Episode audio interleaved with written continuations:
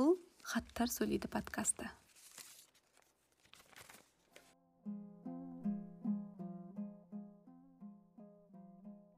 Біздің жауынгерлер рейхстагты барынша бораған оқ астына алған тұста күнде алакөлеңкелене бастады. Ғимарат бірнеше жерден отқа оранып жанып жатты. Иә сәт бір жағыма аунап түстім де белімдегі туды босатып алдым. Сыртындағы қағазын жыртып жіберіп алқызыл матаға сия қарындашпен булатов қошқарбаев деп жаздым.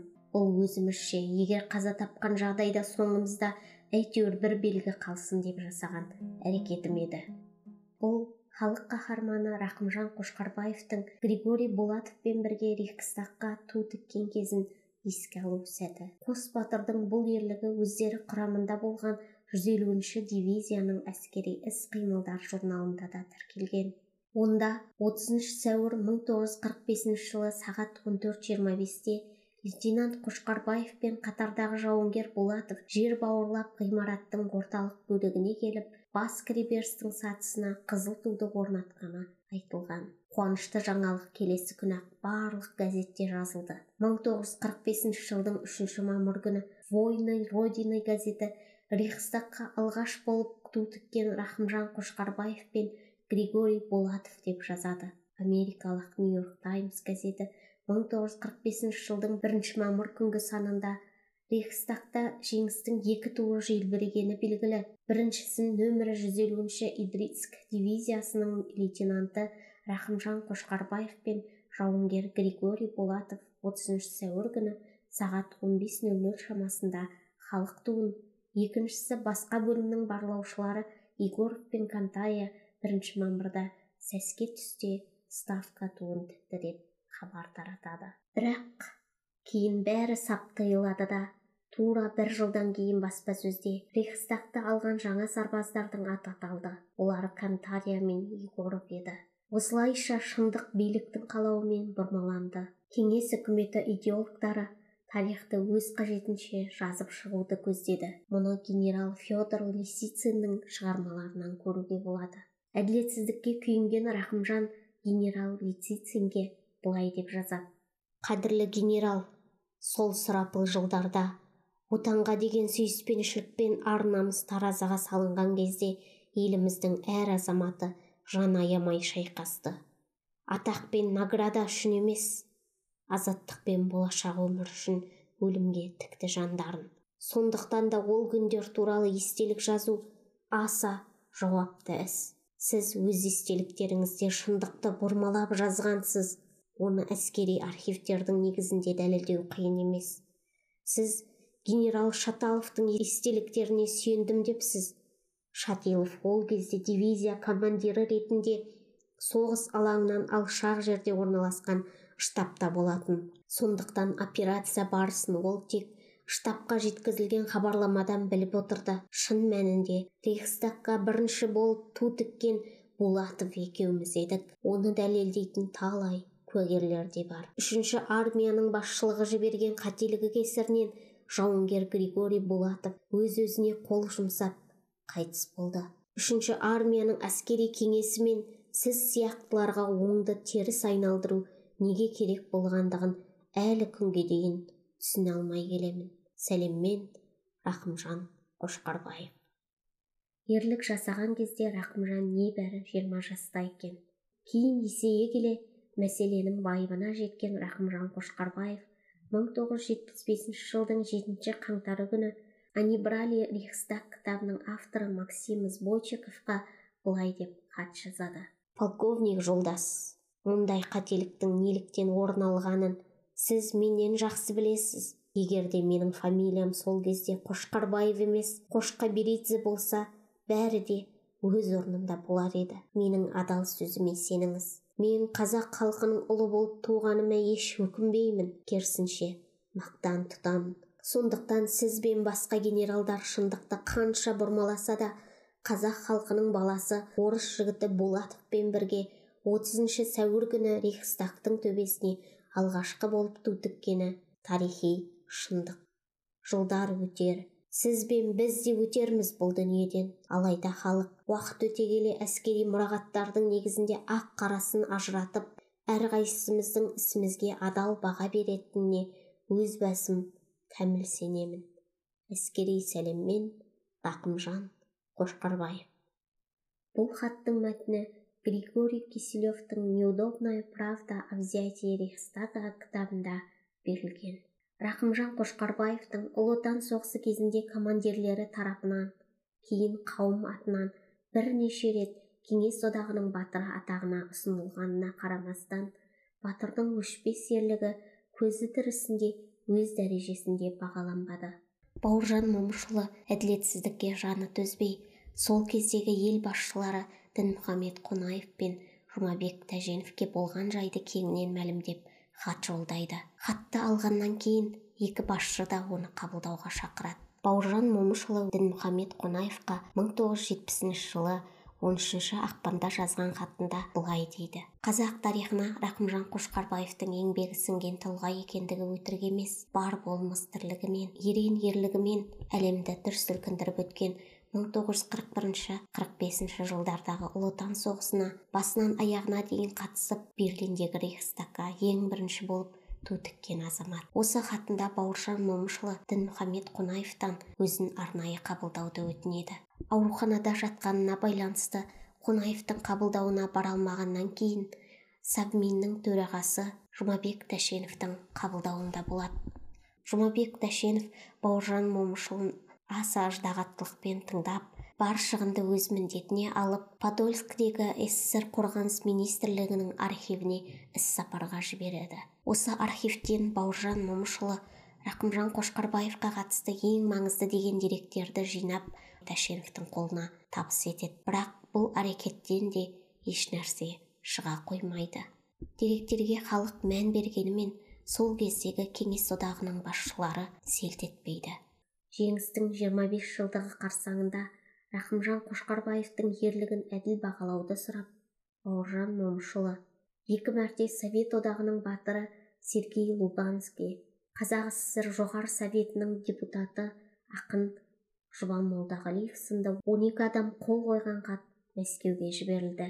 Ал ғабит мүсірепов бастаған бір топ адамның қол қоюымен брежнев атына 1975 жылы да хат жазылады. Бірақ оның бәрі жауапсыз қалды. Рақымжан қошқарбаев тарихтың бұрмаланбай өзімен бірге булатовтың да аты қатар аталуын қалап қазақстан компартиясының орталық комитетінің бірінші хатшысы қонаевқа былай деп хат жазған екен. Құрметті дінмұхамед ахметұлы қалам алып сізге хат жазуыма төмендегі жағдай себеп болды.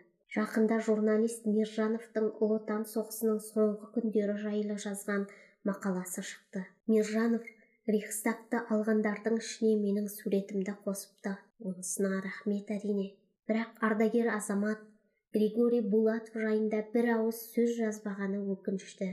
Булатовтың менімен бірге болғанын рейхстагқа бірінші жеткенін жеңіс туын алғашқы болып тіккенін қазір көзі тірі мына адамдар растай алады. Офицерлер неустроев соколовский плеходинов зинченко жазушы субботин батальон парторгі искаков. Кантария мен егоров та шындықтан аттап кетпей сөзімді растар еді. Меніңше тарихты оның ішінде соғыс тарихын бұрмалауға жол беруге болмайды. Өйткені ол қанмен жазылған тарих беттері. Рақымжан қошқарбаевтың өзі хатында аты атаған жазушы субботин өз кітабында шындықты ашып жазады. Қос батырдың ерлігі туралы алғашқы мақалалардың авторы да осы субботин еді. Ол екінші мамыр күні рейхстаг түбінде демалып жатқан жауынгерлерге келіп болған жайды булатов пен қошқарбаевтан тәпіштеп сұрап алып дивизиялық войны родины газетінің бесінші мамырдағы санына олар жеңіс тұғырын көтерді деген көлемді мақала жариялаған. Кейін рахымжан қошқарбаевпен хат алысып тұрған бір хатында субботин былай деді. Қымбатты рахымжан ілияс есенберлинмен сөйлестім. Егер де менің кітабым сіздерде қазақстанда шығатын болса алғы сөзді саған жаздыртуды өтіндім. Сол соғыстың соңғы күндері жайлы сенің жазғаның дұрыс болады деп есептеймін. Дей келе ол рахымжаннан булатовқа қарайласуын сұрайды. Григориймен сөйлестім. Жағдайы мәз емес сияқты. Көңіл күйі жабырқау. Депрессияға түскен бе деймін. Сен оған хат жазып демеп қойсаң жақсы болар еді. Командир емессің бе? Сөзіңді тыңдар. Өзің білесің майдандастардың достығынан артық достық жоқ қой. Өз жігіттерімізді қараусыз қалдырмайық. Алда әлі ұзақ өмір бар. Бір-бірімізді осындайда қолдап жүргеніміз керек ақ. Бірақ болатовтың тағдыры аянышты аяқталды. Оның рейхстагқа ту тіккеніне айналасындағылар сенбеген. Кейін болатов сотты болып оның сөзі мүлдем еленбеді депрессияға түскен ол 1973 жылы өз-өзіне қол жұмсап қайтыс болды. Ол бір ақкөңіл үнемі күліп жүретін қабағы ашық ғажап жігіт еді вятьканың орысы болатын. 18 жас деген немене міне көгерім сондай жас шағында менімен отқа да суға да түсіп жүріп үлкен ерлік жасады ғой. Кеудесіне жауынгерлік қызыл ту орденін қадап елге оралғанда бәрі таң қалыпты бірақ айтқан әңгімесіне сенбеген. Содан ол мәскеудің ар жағындағы кировск қаласына барып жұмыс істеген. 1960 жылдан бастап ұлы отан соғысына қатысқандардың майдандағы ерліктері жүйелі түрде айтылып жазыла бастады ғой. Міне сонда ол өзімен бірге еңбек етіп жүрген әріптестеріне рейхстаг оқиғасын айтса олар оны жеңіл желпі әңгімеге балап онша назар аудармаған. Осыдан кейін ол ішімдікке бой алдырады.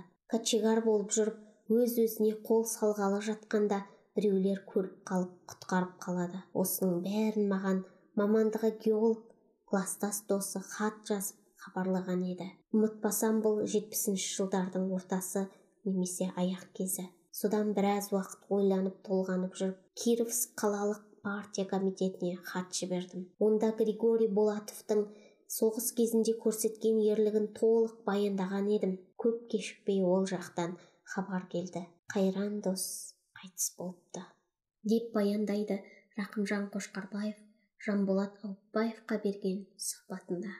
Рақымжан қошқарбаевтың өзі 1924 жылы 19 қазанда ақмола облысының тайтөбе селосының маңындағы қыстақта дүниеге келді. Төрт жасында анасы дүниеден өтіп әкесі жалған саяси жаламен сотталып гулаг лагерлерінде болды. Рақымжан тайтөбе балалар үйінде тәрбиеленді. Соғыстан кейінгі жылдары эльба бойындағы кеңесте әскери бөлімде қызмет атқарды. 1947 жылдан бастап ақмола облыстық атқару комитетінде нұсқаушы. 1967 жылдан бастап алматы қонақ үйінің директоры болды. Рақымжан қошқарбаев 1988 жылы 10 тамызда алматыда қайтыс болды. 1999 жылы оған қазақстанның халық қаһарманы атағы берілді. Ал рақымжан қошқарбаев пен григорий болатовтың рейхстагқа алғашқы болып ту тіккенін ресейдің әскери тарих институты арада алпыс екі жыл өткенде яғни 2007 жылы ғана растады. Қадірменді достар сіздердің тыңдағандарыңыз хаттар сөйлейді подкасты. Микрофон алдында оның авторы және жүргізушісі мен камшат әбдірайым. Подкасттың осы эпизоды юсейттің көмегімен медиа кэмп орталық азия бағдарламасы аясында дайындалды. Ақпараттың мазмұнына подкаст авторы жауапты және ақпарат юсейттің ақш үкіметінің немесе интерньюз ұстанымына сай келмеуі мүмкін. Құрметті достар егер подкаст сіздердің көңілдеріңізден шықса әлеуметтік желідегі парақшаларыңызға бөлісіп қазақ тілді контенттің дамуына таралуына өз үлесіңізді қосыңыз. Келесі кездескенше аман сау болыңыз